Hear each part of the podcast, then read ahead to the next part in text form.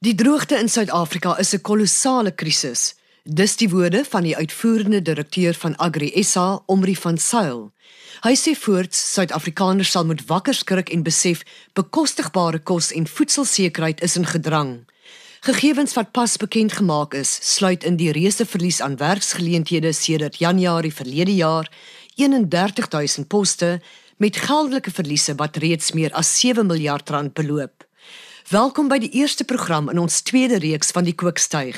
Ons skop dalk wel op 'n somber noot af, maar soos ons al deur die legio gesprekke op die reeks geleer het, moet opgee en handdoek ingooi is nie sommer in ons boere en landbouwerkers se woordeskat nie. Ons ateljeegas vandag via Skype is die president van die Wêreld Landbouorganisasie, Dr Theo de Jager, die eerste Suid-Afrikaner ooit om die posisie te beklee. Die programreeks word tegnies versorg deur Lindsey Johnson. Dr. Die Jager voor ons oor die droogte gesels, watse rol speel die Wêreld Landbouorganisasie ook in landbou hier in Suid-Afrika? Enige landbouorganisasie se kernbesigheid is die beïnvloeding van beleid, 'n Engelse woord advocacy.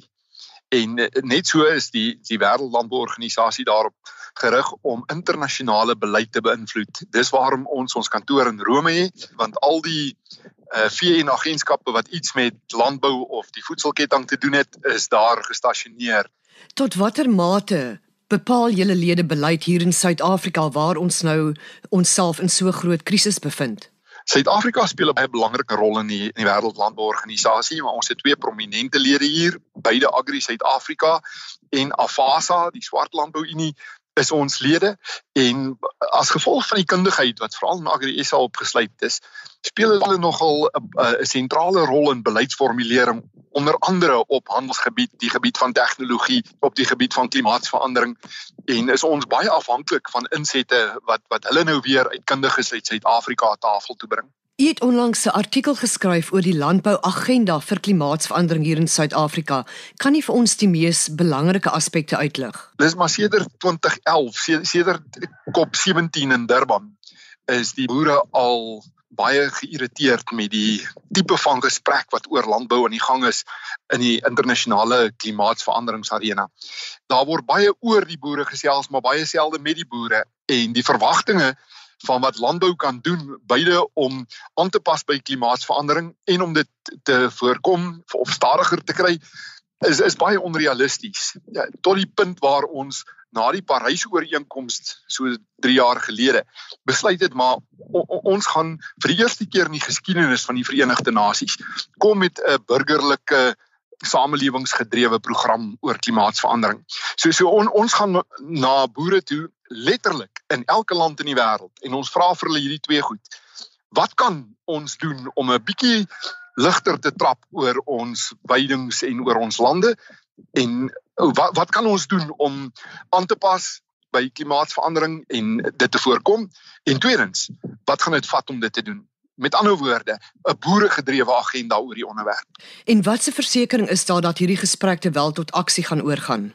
En daar's nooit 'n versekering nie. Dit dis maar soos wat dit in die politiek gaan en of soos wat dit in beleidsbeïnvloeding gaan. Dit hang af hoe hard jy druk. Ek dink hierdie klimaatsagenda deur die boere wat ons die claymakers noem en daar's da 'n spesiale webtuiste daarvoor waar ons in 'n vennootskap gegaan het met letterlik elke landbouorganisasie wat ons van weet in die wêreld.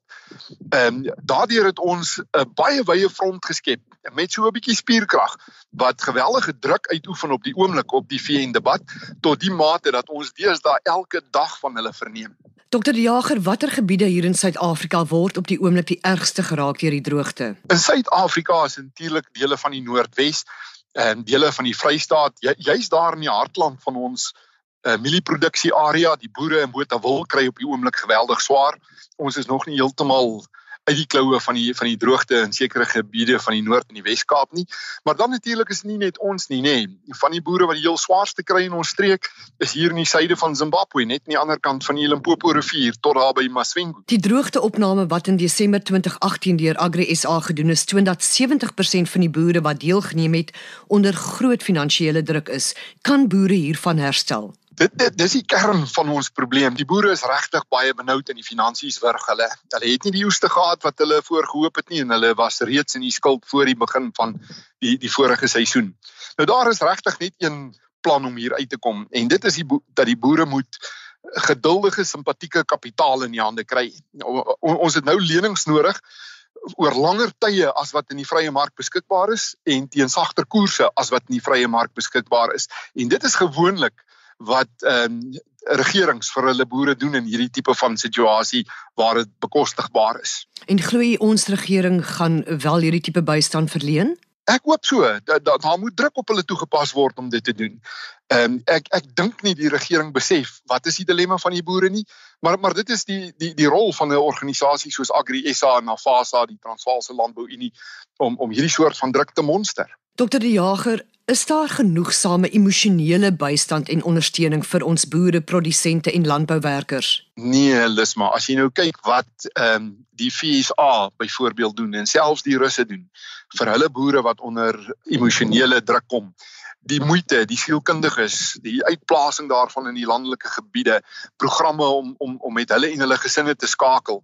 Want, want ons kry gebiede in die wêreld onder andere die afgelope 3 jaar nou in die FSA waar ons 'n uh, dramatiese toename sien in selfmoorde onder boere as gevolg van hierdie tipe van stres. En in Suid-Afrika is daar bloedwynig van hierdie tipe van hulp vir vir boere beskikbaar. Wat stel jy voor waarna toe kan boere, kan mense in die landbousektor gaan vir emosionele bystand? Wel die die, die maklikste is natuurlik georganiseerde landbou.